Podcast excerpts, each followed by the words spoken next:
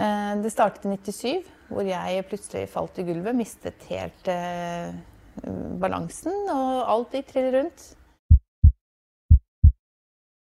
Det du har hørt her, var Marianne, og hun skal vi snart tilbake til. Vi som lager denne serien, heter Wasim Seid og Name Seid. Velkommen. Takk, Tusen takk. Dere er jo to levende, eh, vandrende medisinske leksikon som skal øse av deres kunnskap til oss i dag også. Ja, det var jo beskjedent i beste fall. jeg heter Elisabeth Lofthus, er sykepleier og redaktør på lommelegen.no. I dag så skal vi, i tillegg til å høre om Marianne, så skal vi også snakke om hormoner og følelser. Og så har vi fått et spørsmål som er eh, både interessant, aktuelt, men også ganske ekkelt. Bor det noen der nede i huden min, spør ei jente oss. Og det skal vi svare på. Men nå skal vi tilbake til Marianne. La oss høre mer. Eh, det startet i 97, hvor jeg plutselig falt i gulvet. Mistet helt eh, balansen, og alt gikk trill rundt. Jeg sto bare helt og meldte i kaffen. Og så datt jeg Jeg mistet hele. Det var akkurat som du jeg hadde, Tyngdekraften forsvant. Jeg kunne ikke stå, jeg kunne ikke løfte på hodet når jeg lå. Så gikk bare alt trill rundt. Og da ble jeg liggende på gulvet, og jeg klarte ikke å reise meg. Jeg eh, fikk lege hjem, og den mente det var virus på balansenerven. Og så ble, gikk det mange år med mange undersøkelser. Vi har fortsatt å være svimmel og uvel. og etter hvert så utartet det seg til en angst, for de fant ikke ut av hva det var for noe. Og de fleste mente at det var psykisk, at jeg hadde agorafobi, at det var angstsymptomer jeg slet med. Og eh, i 2007 så sto jeg og reparerte litt eh, kopimaskiner og eh, fremkallingsmaskiner. Og dager etterpå så kjente jeg hadde så vondt i høyre øye. Og da gikk det en, eh, par dager hvor jeg kjente at det ble jo ikke noe bedre, så jeg får komme meg til legen. For nå har jeg sikkert fått kjemikalier på øynene, tenkte jeg da, siden jeg jobbet med sånne maskiner. Eh, legen sa at eh, han fant uh, ingenting. Han, ikke rens, han, fant ikke noe feil med øyet mitt, men som en god øyenlege så, så han vel kanskje at, det, mistenkte han vel kanskje at det kunne være andre årsaker til at jeg hadde vondt i øyet. Og når jeg snudde på øyet, så var det jo smerter i det. På det høyre øyet. Jeg følte at jeg hadde en flekk på så jeg var jo veldig på at jeg har jo en flekk på øyet. Du må jo fjerne flekken på øyet. Men han sa at nei, det er ingenting som jeg kan fysisk se eh, her hos meg i undersøkelsesstolen. Så jeg sender deg på, tilbake til Ullevål og tar en MR. Mm. Uh, Marianne hun uh, forteller jo om uh, flere symptomer. Hun starta med å si noe om at hun hadde en besvimelse. Ikke klarte å reise seg opp. Uh, og også senere plaga med å være svimmel, uvel, kanskje noe som ligna på angst, og vondt i øyet. Uh, hun nevner faktisk to diagnoser også. Uh, virus på balanseorganet og en type sosial angst. Da kan jeg si at det var ikke den riktige diagnosen her. Så jeg vet ikke, Hva, hva tenker dere etter å ha hørt, hørt dette, i forhold til symptomer og hva det kan være? Jeg tenker at det er uh, Her er det ganske åpent uh, på dette tidspunktet her, i hvert fall, hva som uh, kan feile henne. Um, hun har en besvimelse. Det kan jo ha flere årsaker.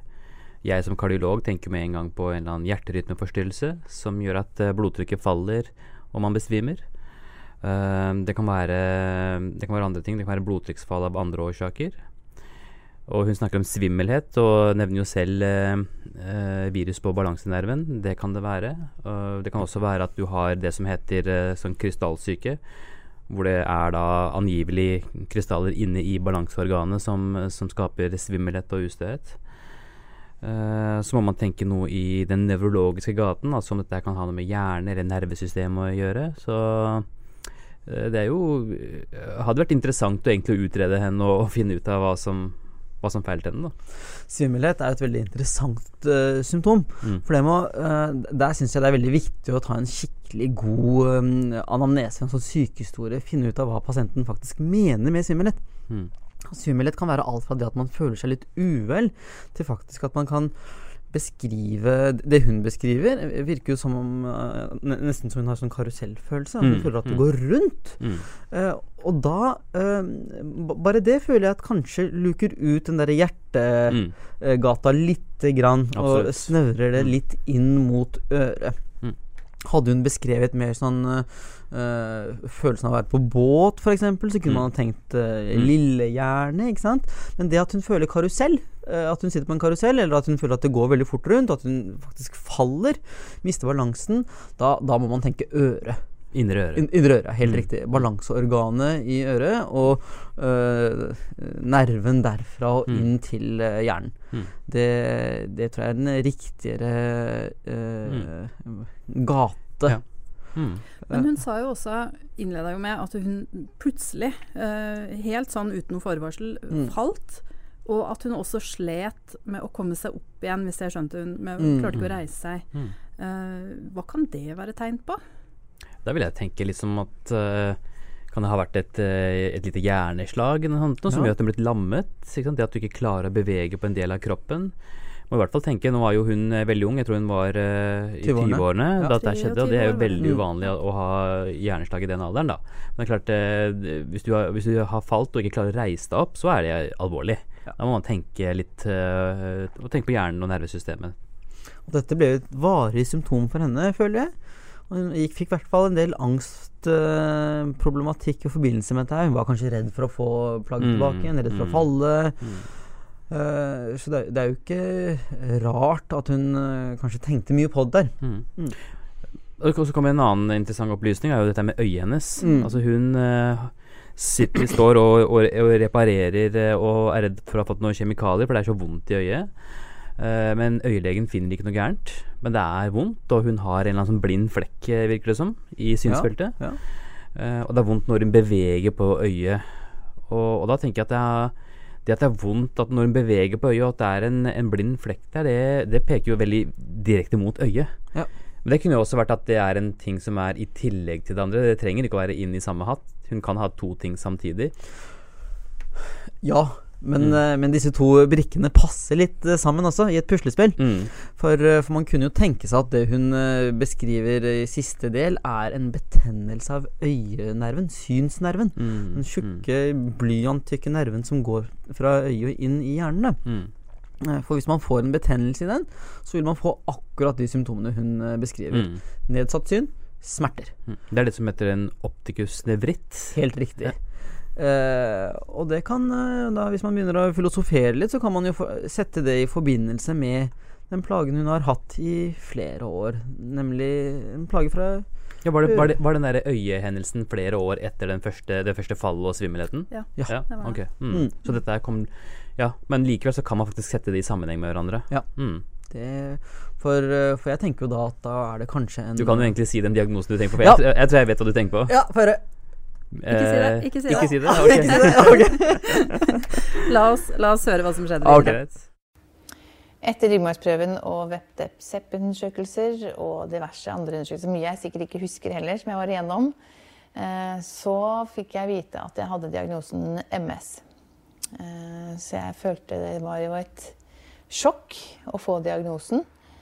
Men samtidig for meg som hadde slitt i ti år, så var det nesten en lettelse å få en diagnose som, som kunne definere hva som hadde vært problemet mitt. Det var ikke jeg som var øh, psykisk syk. Selv om jeg hadde sikkert hatt det også, symptomer på det også, fordi du har gått så mange år og følt deg dårlig. Um, men for meg så var det godt å lande på en diagnose. Hva, hva slags behandling har du fått? Uh, jeg har fått uh, bremsemedisiner. De, den siste restarter vel egentlig eh, hele immunforsvaret mitt. Eh, Den siste medisinen jeg begynt, gikk på. Der, eh, det er kun én gang i året, over to år. Da sitter man i fem dager og får behandling. Og det restarter mer eller mindre. Det blir nesten som en mini-stamcellebehandling, men ikke med cellegift og slike ting. Det er en ganske tøff behandling. Så den målet er at den skal da kjøre kroppen min, eh, systemet mitt i en sentrifuge for å starte på nytt, for å lure immunforsvaret mitt til å ikke angripe seg selv igjen, da, slik MS-en gjør. Men eh, merker du noen plager i dag? Jeg har vel litt kognitive plager. Uh, har litt gullfiskminne innimellom. Uh, lærer ikke ting like lett som jeg gjorde tidligere. Når jeg leser en ting, så tar det litt lengre tid før det fester seg. Uh, jeg har fortsatt øresus. Det vil alltid følge meg. Da jeg mista en ganske god del av hørselen på høyre øre. Øya gikk noe plager med, sånn bortsett fra litt begrenset fargesyn etter synsnervebetennelsen. Eller så er det fatiguen. Den er jo veldig fremtredende. Den å bli trøtt uten grunn er frustrerende og slitsomt. Og jeg føler jeg er bare lat, egentlig. Sliter du med eh, angst og sånn den dag i dag? Det vil alltid følge meg litt, tror jeg. Eh, jeg vil alltid være Den er jo med meg, men jeg forstår den nå. Eh, mer enn det gjorde jeg ikke tidligere. Tidligere ble man jo bare redd. Når man lærer seg å forstå angsten sin, så er man lettere at man kommer gjennom et angstanfall eller et Du kjenner igjen symptomene. Men jeg vil, vil ikke påstå jeg noe mer angst enn kanskje andre i forhold til sykdommen, i hvert fall. Uh, alt kan skje alle. Man kan ikke sitte og vente på det. Hva er det viktigste du gjør da, med tanke på livsstil og sånn? Vet du hva, det skal være helt ærlig. Ikke tenk så mye. Bare lev. Jeg syns eh, folk eh, henger seg opp i så mye eh, og benekter seg så mye. Jeg syns livet er for kort, jeg, ja, altså. De benekter seg det ene. Plutselig skal vi ikke spise det og det. er det. Spis normalt, sunt kosthold. Tren, beveg deg. Men ikke, ikke gjør livet til en At du skal Jeg vet ikke. Det er sånn jeg er i hvert fall. Det er det viktigste rådet jeg gir til meg. At jeg må fortsatt kunne kose meg med et glass vin, god mat ta meg en fest og leve, nyte hver dag. Og ikke nyte hver dag. Og få lov til å si til seg selv noen ganger at uh, dette syns jeg er ordentlig urettferdig på en dårlig dag, uh, og tillate de dagene. Ja, da fikk vi vite diagnosen. Var det den du hadde tenkt å type name? Ja, nå kan jeg jo bare si ja. ja det, det, var, det, var, jo det. Det hun beskrev, ikke sant, er jo en, uh, som du helt riktig sa, en opticus nevritt. En betennelse på uh, synsnerven som går fra øyeeplet og inn i, uh, i hjernen. Det som Det er en, i de fleste tilfeller en forbigående tilstand. og den betennelsen går tilbake, og man får synet sitt tilbake igjen. Eh, det er kanskje noen flere kvinner som blir rammet av dette enn eh, en menn. Ja, Vi må jo først si sykdommen. Var, sykdommen. Uh, ja, det jeg snakker fortsatt om øyebetennelsen. oh, ja. Synsnervebetennelsen. ja. Mm, og uh, som sagt så, går, så, så, vil de fleste tilfeller en sånn uh, synsnervebetennelse gå tilbake. Men i noen tilfeller så er det slik at den uh, synsnervebetennelsen er forårsaket av noe underliggende. Det kan være sånn infeksjon forbundet med flåttbitt. Mm. Uh, det kan også være uh, multiple sklerose. Mm. MS. Uh, MS. Og det er jo det hun det har, da. Det hun har. Og det er jo en sykdom som Hvor symptomene kommer fra skade på nervesystemet. Mm. Fordi denne sykdommen her, den angriper nervesystemet. Og nervesystemet, det har vi jo i hjernen, vi har den i ryggmargen, og vi har i alle nervene ut i kroppen. Så symptomene vil jo variere avhengig av hvor i nervesystemet angrepet kommer, da. Mm. Uh, og uh, også som hun da uh, fortalte at hun plutselig falt og, og mistet kraften i benet. Jeg vet ikke om det var det, eller hva, om det var bare balansen. Da kan man tenke at hun fikk et, et angrep på den delen av hjernen eller den delen av nervesystemet som styrer disse tingene. Mm. Og så er det jo sånn at hun har jo snakket om at behandlingen hun fikk, det var noe for å på en måte nulle ut eh, immunforsvaret hennes, eller dempe immunforsvaret. Og problemet med MS det er jo at eh, det er en sånn autoimmun sykdom hvor eh, kroppen angriper seg selv. Angriper nervene sine, eller nervevevet. Nærmere bestemt det som heter myelin, som er en slags fettstoff som ligger rundt en del nerver. Uh, så når det blir ødelagt, så fungerer jo de nervene dårligere. Mm. Uh, og, og, derfor har jo en del av behandlingen nettopp å dempe immunforsvaret. Og hun har jo tydeligvis fått sterke medisiner for å dempe immunforsvaret sitt. Ja. Og det hun beskriver, er jo et typisk mønster for eh, MS. At det kommer, at det kommer sånne små attakker. Sånne Mm. forverringer. Mm. Eh, Hva kaller du de på tysk? Uh, Schubs. Schub? Schub, ok, Schub. Uh, at det blir sånne mm, små forverringer. Eh, og at, eh, at man blir litt grann dårligere for hver forverring. Mm. Og behandlingen består da i, i to ting. Det ene er å begrense en sånn eh, forverring. Og det andre er å utsette eller hindre eh, sånne forverringer.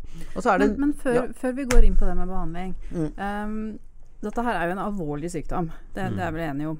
Um, er det en sykdom man dør av? Det er veldig ulikt. Ja, man kan dø av den. Dø ja. Det, det er ulike eh, alvorlighetsgrader av denne sykdommen her. Da. Og det er sånn som Naim sier, at uh, den kan opptre på litt ulike måter. Det vanligste er at du har det som heter relapsing remitting. Altså at det, det kommer eh, perioder hvor det blir dårlig, og så er det perioder hvor det er bra. Og sånn holder det på, og det kan gå flere måneder eller flere år mellom sånne perioder. Uh, og så er det noen som blir bare Som har det egentlig hele tiden og blir gradvis bare dårligere og dårligere. Noen har det stabilt, de samme symptomene. Og så er det jo noen som blir uh, så uh, hvor, hvor sykdommen er så aggressiv at i løpet av noen år så kan de faktisk dø av den. Og så er det vel slik at veldig mange har kanskje bare ett anfall. Mm. Eh, ikke sant? En episode med synsnervebetennelse, og så går det tilbake. Og så finner man aldri ut av det. Mm, så har mm. de kanskje en eh, MS som aldri ga flere symptomer, og da er det ikke noe mer Mm, å tenke på. Så den fins i veldig mange ulike former. okay. da. Mm. ok. Mm. Og så er det kanskje også sånn at det er eh, ikke en diagnose som nødvendigvis er veldig lett og kjapt å stille. Det er ikke en blodprøve, og så vet man om at man har MS. Nei, er eh, Diagnosen stilles jo ved, ved to ting, egentlig. Det er eh, MR av, eh, av hjernen. Da kan man se sånne typiske hvite flekker på hjernen, som er sånne angrep på, på hjernen pga. sykdommen.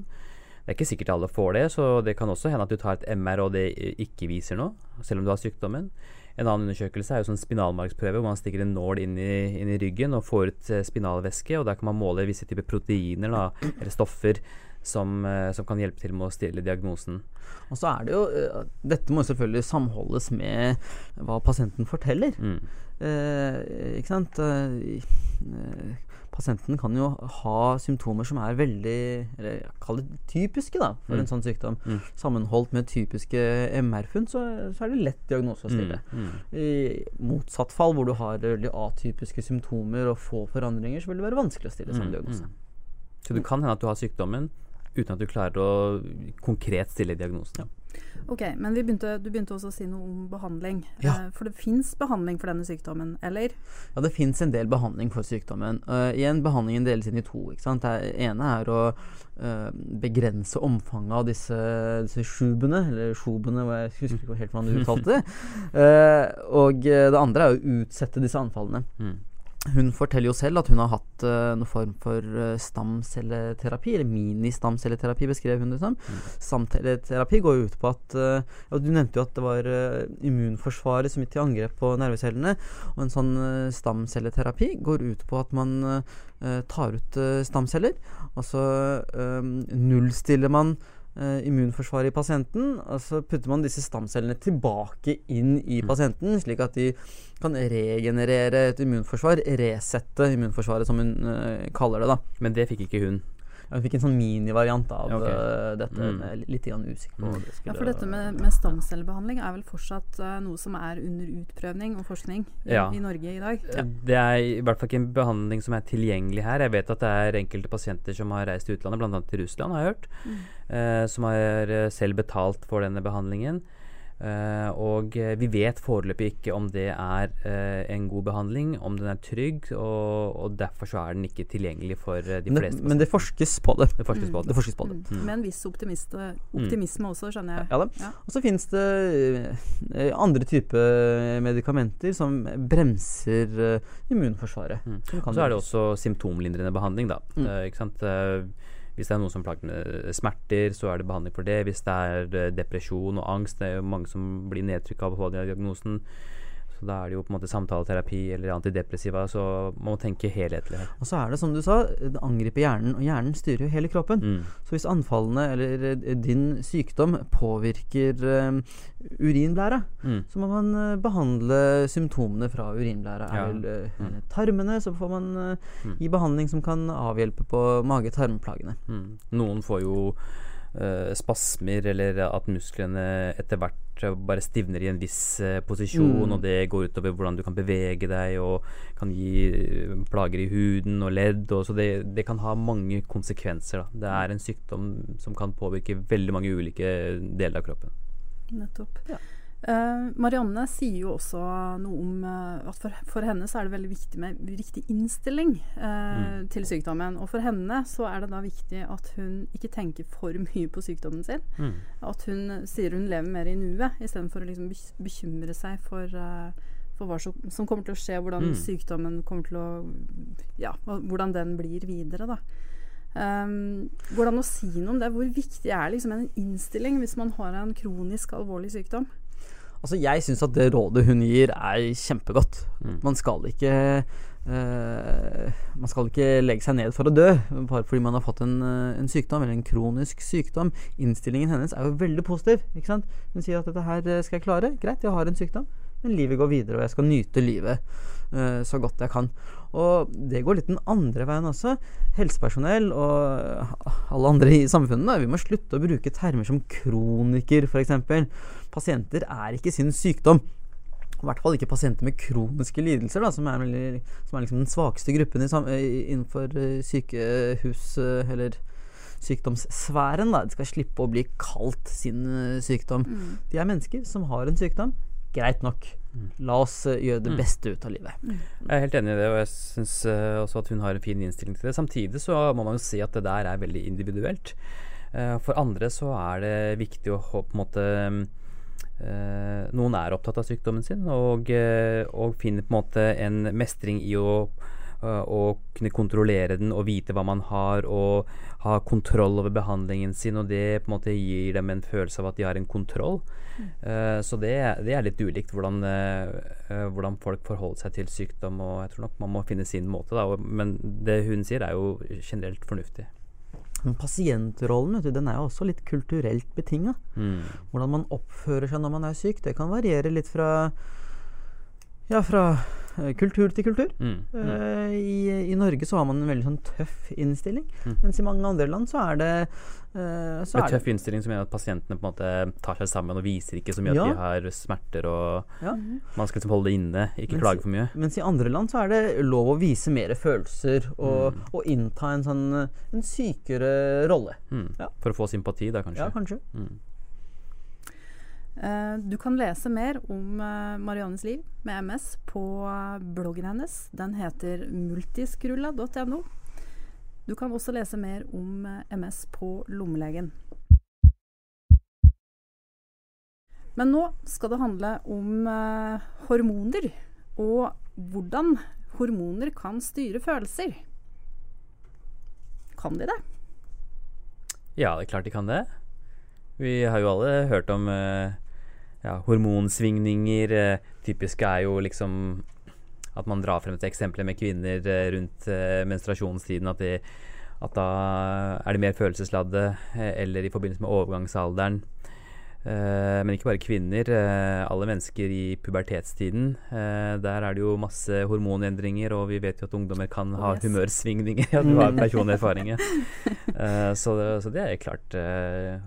Og hormonsystemet er jo veldig intrikat og komplisert. Da. Det er mange ulike hormoner, og de påvirker den ene og den andre veien. Og, eh, så ja, absolutt. eh, det kan det. Mm. Og eh, medikamenter som, er, som består av hormoner, Mm. altså p-piller etc., kan jo også påvirke humøret. Mm.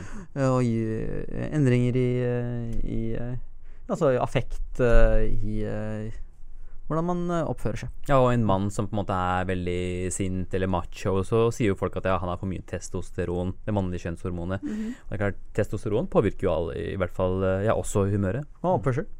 Å ja, absolutt. Mm. Ja, stemmer det. Hvis en mann har uh, mye testosteron, er han sintere enn andre menn? Jeg vet ikke om det kan gå an å si det på den måten der, men uh, du kan i hvert fall si at uh, en del mennesker som tar uh, hormontilskudd, da, at de Eller testosterontilskudd. En av bivirkningene kan være at de blir veldig på en måte hissige og, og sinte og dette her, da. Mm. Uh, jeg, jeg, har et hormon som er mitt yndlingshormon. Det er uh, Hvis det går an å ha det. Kom igjen, nå, nå, er, nå er, jeg spent. det er uh, kjærlighetshormonet. Yeah. Er et navn på det. Oksytocin. Yeah. Og det syns jeg er litt spennende i forhold til fødsel. Mm. Og uh, mor og barn. Mm. Sikkert også far. Og det med hudkontakt, hvordan det på en måte får uh, økning i, av hormonene og gjør at du f.eks. etter en fødsel en kvinne setter i gang og produserer morsmelk. Mm. Uh, så det syns jeg er en veldig fint hormon, da, som er et godt eksempel på mm. at kropp og hormon og syke at det henger veldig sammen, da, mm. hva som skjer. Mm. Uh, men vi har vel andre hormoner også, som uh, i stor grad uh, er følelsesstyrt. Jeg vet ikke, Wasim, Har du et favoritthormon? ja, jeg syns også oksytocin. Det er jo veldig stor interesse rundt oksytocin og mye forskning på hva man sier av ulik kvalitet. da. men det er sant, det er jo forbundet med, med kjærlighet og med det å knytte bånd til hverandre. Mm. hudkontakt. ja, hudkontakt. Ja. Uh, og så er det andre Ja, dopamin er et annet uh, hormon. Det er, det er, kanskje et sånt uh, stoff da, som, i hjernen som påvirker Styrer din opplevelse av glede og belønning, og sånn sett påvirker atferden din. Um, kan det være sånn at hvis noen er, personer er gladere enn andre, så, så er det fordi de har mye dopamin? Uh, jeg tror heller ikke det er sånn, men Det er ikke så eh, enkelt. Nei, det er ikke så enkelt. Det er veldig komplisert uh, uh, hvordan disse hormonene fungerer. spesielt dopamin fungerer i hjernen. Har mange ulike funksjoner, egentlig. Ja, serotonin er jo også forbundet med liksom, ja. affekt, særlig. da, mm. Depresjon og ja. ja. Mm. Men, men, så er det dette med PMS, da. Som, som uh, Ja, det er jo mange som snakker om det. I hvert fall vi damer snakker jo mye om det. mm. uh, så er spørsmålet er PMS en myte eller fakta? Vet vi at det er liksom hormoner som, som styrer og påvirker humøret før og i menstruasjonen? Altså det, det, er vanskelig å si sånn Uh, det man i hvert fall kan si, er at det er jo noe man observerer. Uh, og at, uh, at, mange kvinner kan være mer følelsesladet rundt den, den perioden.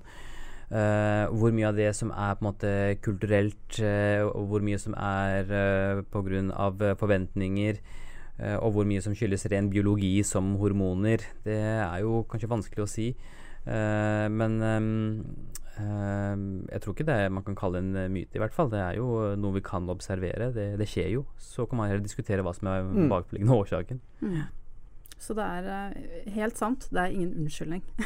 nei, nei. det kan sikkert diskuteres. Um, og så har vi dette med ammetåke. Da. Det, ja. det må jo også være et sånn hormonfenomen. Ja, det, det, nå, nå, er det jeg som tar ordet. ikke, ikke, at jeg er eksperten på amming, akkurat, altså, men uh, Um, ja, hva den skyldes, om det er uh, hormonpåvirkning, det kan godt hende. Og noen mener jo at det er litt sånn fra evolusjonens side at uh, det er en periode hvor mor skal gå litt inn i seg selv og, og litt sånn skjermet fra omgivelsene, for da er det et sånn fokus på barnet og, og næring og kontakt med barnet. Og at det er derfor man går i en sånn slags kanskje litt sånn transe eller det er, det, er, det, er, jo Jeg tror nok eh, det er lov å si at disse kjønnshormonene da, mm. og disse svingningene som man ser ved fødsel og uh, amming, uh, de, de, påvirker jo selvfølgelig hjernen. Mm. Uh, de gjør jo det. Mm, mm. det. det. kommer man ikke mm. utenom. Mm. så de har Ja, det er absolutt lov å si at hormoner påvirker ja. Så er det jo det at det er veldig, veldig ulikt mellom mennesker. Ja. noen Eh, veldig mange kvinner har jo, merker jo ingen forskjell gjennom menstruasjonssyklusen, eller mm. opplever ikke den tåke, eh, ammetåka som man nesten forventes å oppleve. Mm. Uh, mens andre gjør det. Så, um, og da kan man igjen diskutere er det fordi de har litt andre nivåer på hormonene sine, eller, eller har de en annen måte å takle ting på. Så um, det er nok både miljø og biologi, hvis man kan si det på den måten der, som avgjør de tingene der. Så har du tilstander som uh, uh eh, alvorlig depresjon rett etter Mm. eh, fødsel, f.eks. Mm. Så det er nok eh, Mm. Jeg tror nok ikke man skal avskrive Nei, nei. En, Nei. eh, en kobling mellom eh, de endringene som skjer i kroppen, og eh, hvordan hjernen oppfører seg. Mm. Ok, vi skal videre. Eh, vi har fått et ukens spørsmål. Eh, som jeg sa i stad, eh, var litt ekkelt. Jeg må advare litt på forhånd. Men Ingenting med kroppen er ekkelt, da. Nei, Vi syns ikke det. Det er jo, alt er jo naturlig. Alt er naturlig. alt er naturlig. Men noen ganger så kan vi jo få besøk av ting som det er lov å si at man syns det er litt ekkelt. Mm. Det er lov. Det er lov. Uh, Allikevel interessant. Um, og dette er jo en problemstilling som har fått litt ny aktualitet. Um, jeg kan eh, begynne å lese. Dette er et spørsmål fra jente, 22 år. I nesten to uker nå har jeg hatt følelsen av at noe beveger seg rundt eh, der nede. Nederste del av rumpa, rundt endetarmsåpningen og i skrittet. Det føles som noen bor der nede. Samtidig har jeg de siste dagene fått et småprikkete rødt utslett mellom fingrene og på armene. Det klør mye, særlig etter en dusj og ved trening. Symptomene dukket opp to uker etter jeg var sammen med en gutt. Så mitt spørsmål er, hva kan dette være? Jeg har sjekka etter flatlus, men jeg fant ingenting. Kan det være sopp eller mark? Hva sier dere? Ja, det var veldig ledende. Eh, tankene styres jo mot uh, noe spesielt. Men jeg har bare lyst til å si først altså, Når vi snakker om kriblende følelse i, rundt uh, endetarmsåpningen og, og underlivet, så er det naturlig å tenke på, uh, på, på mark. Eh, mange, spesielt barnefamilier, eh, kan jo ha det. Eh, og da er det typisk at det klør veldig rundt endetarmsåpningen. Eh, Hun er et par og tyve, da. ja, hun er par og tyve. Kanskje litt uh, utenfor den uh, ja, med mindre hun er et barnehagebarn. Da, det, kan Ja. det vet jeg ikke. Uh, men så nevner jo hun selv også sopp, som er en uh, grei differensialdiagnose. Ja. Men så begynner hun å snakke om dette her med mm, utslett eh, mellom fingrene og eh, oppover i armene, og som klør veldig. Og da tenker i hvert fall jeg på en eh, spesiell type Et spesielt dyr. Ja, det kan jo være skabb, ikke Ja. sant. Det det er jo sånne bitte små uh, Kall det dyr, da. Som, eh, som graver sånne ganger inn uh, Særlig mellom fingrene så kan de grave sånne ganger inn i huden og, så, og bo der inne og, og gi vanvittig kløe. Ja, og så bor de ikke bare mellom fingrene, men selvfølgelig også da rundt underlivsområdet. Da. Det er jo Hvor hun har blitt uh, smittet. Da. mm. Og så Hvis man ser med lupe, så kan man jo faktisk se disse gangene. Og, og kanskje til og med gå inn med nål og hente en sånn, eh, et lite skabbdyr. Mm. Eh, og da har man jo diagnosen. Vi skal, vi skal ta oss og legge ut på YouTube hvert fall et bilde av skabb, så, så kan vi se hvordan det ser ut. Uh, men hvordan smitter det? Ja, det er kontaktsmitte. Mm. At det smitter fra liksom, en person til en annen person. Ja, Hudsmitte, Mm. kontaktsmitte. Mm. Ja, riktig. Men eh, hvis man har fått noe sånt, eller mistenker, hva, hva bør man gjøre da? Man bør dra til legen. Det er viktig. Fordi man må få en ordentlig diagnose. Eh, behandling av skabb kan bli ganske omfattende eh, og inngripende i livet ditt. Så Derfor så skal man være ganske sikker på at man har riktig diagnose. Det er ikke alltid like lett å finne disse gangene og dra ut disse dyrene. Så ofte eh, Så det man gjør, er jo som lege hvis, eh, at man først gir bare la oss en kur med noen allergitabletter. da. Man tenker at den kløende utslettet kan ha noe med allergi å Mm. gjøre, og så se om det hjelper eller ikke. Hvis det er skabb, så vil ikke allergitabletter hjelpe, og pasienten kommer tilbake og innen en uke eller to. Eh, og da har kanskje disse gangene blitt synlige. Så, og så må man prøve å lete etter disse skabbdyrene. F- og grunnen til det er at eh, behandlingen, der er det jo sånn For det første så må jo du uh, vaske deg med en spesiell type krem og sjampo og sånne ting for å, å ta disse skabbdyrene. Men i tillegg så er det en veldig sånn omfattende behandling av klærne dine, sengetøyet. Mm. Alt må på en måte renses, og du må være sikker på at alt er borte. Uh, og det er dumt å sette i gang sånne tiltak hvis man egentlig ikke har skabb.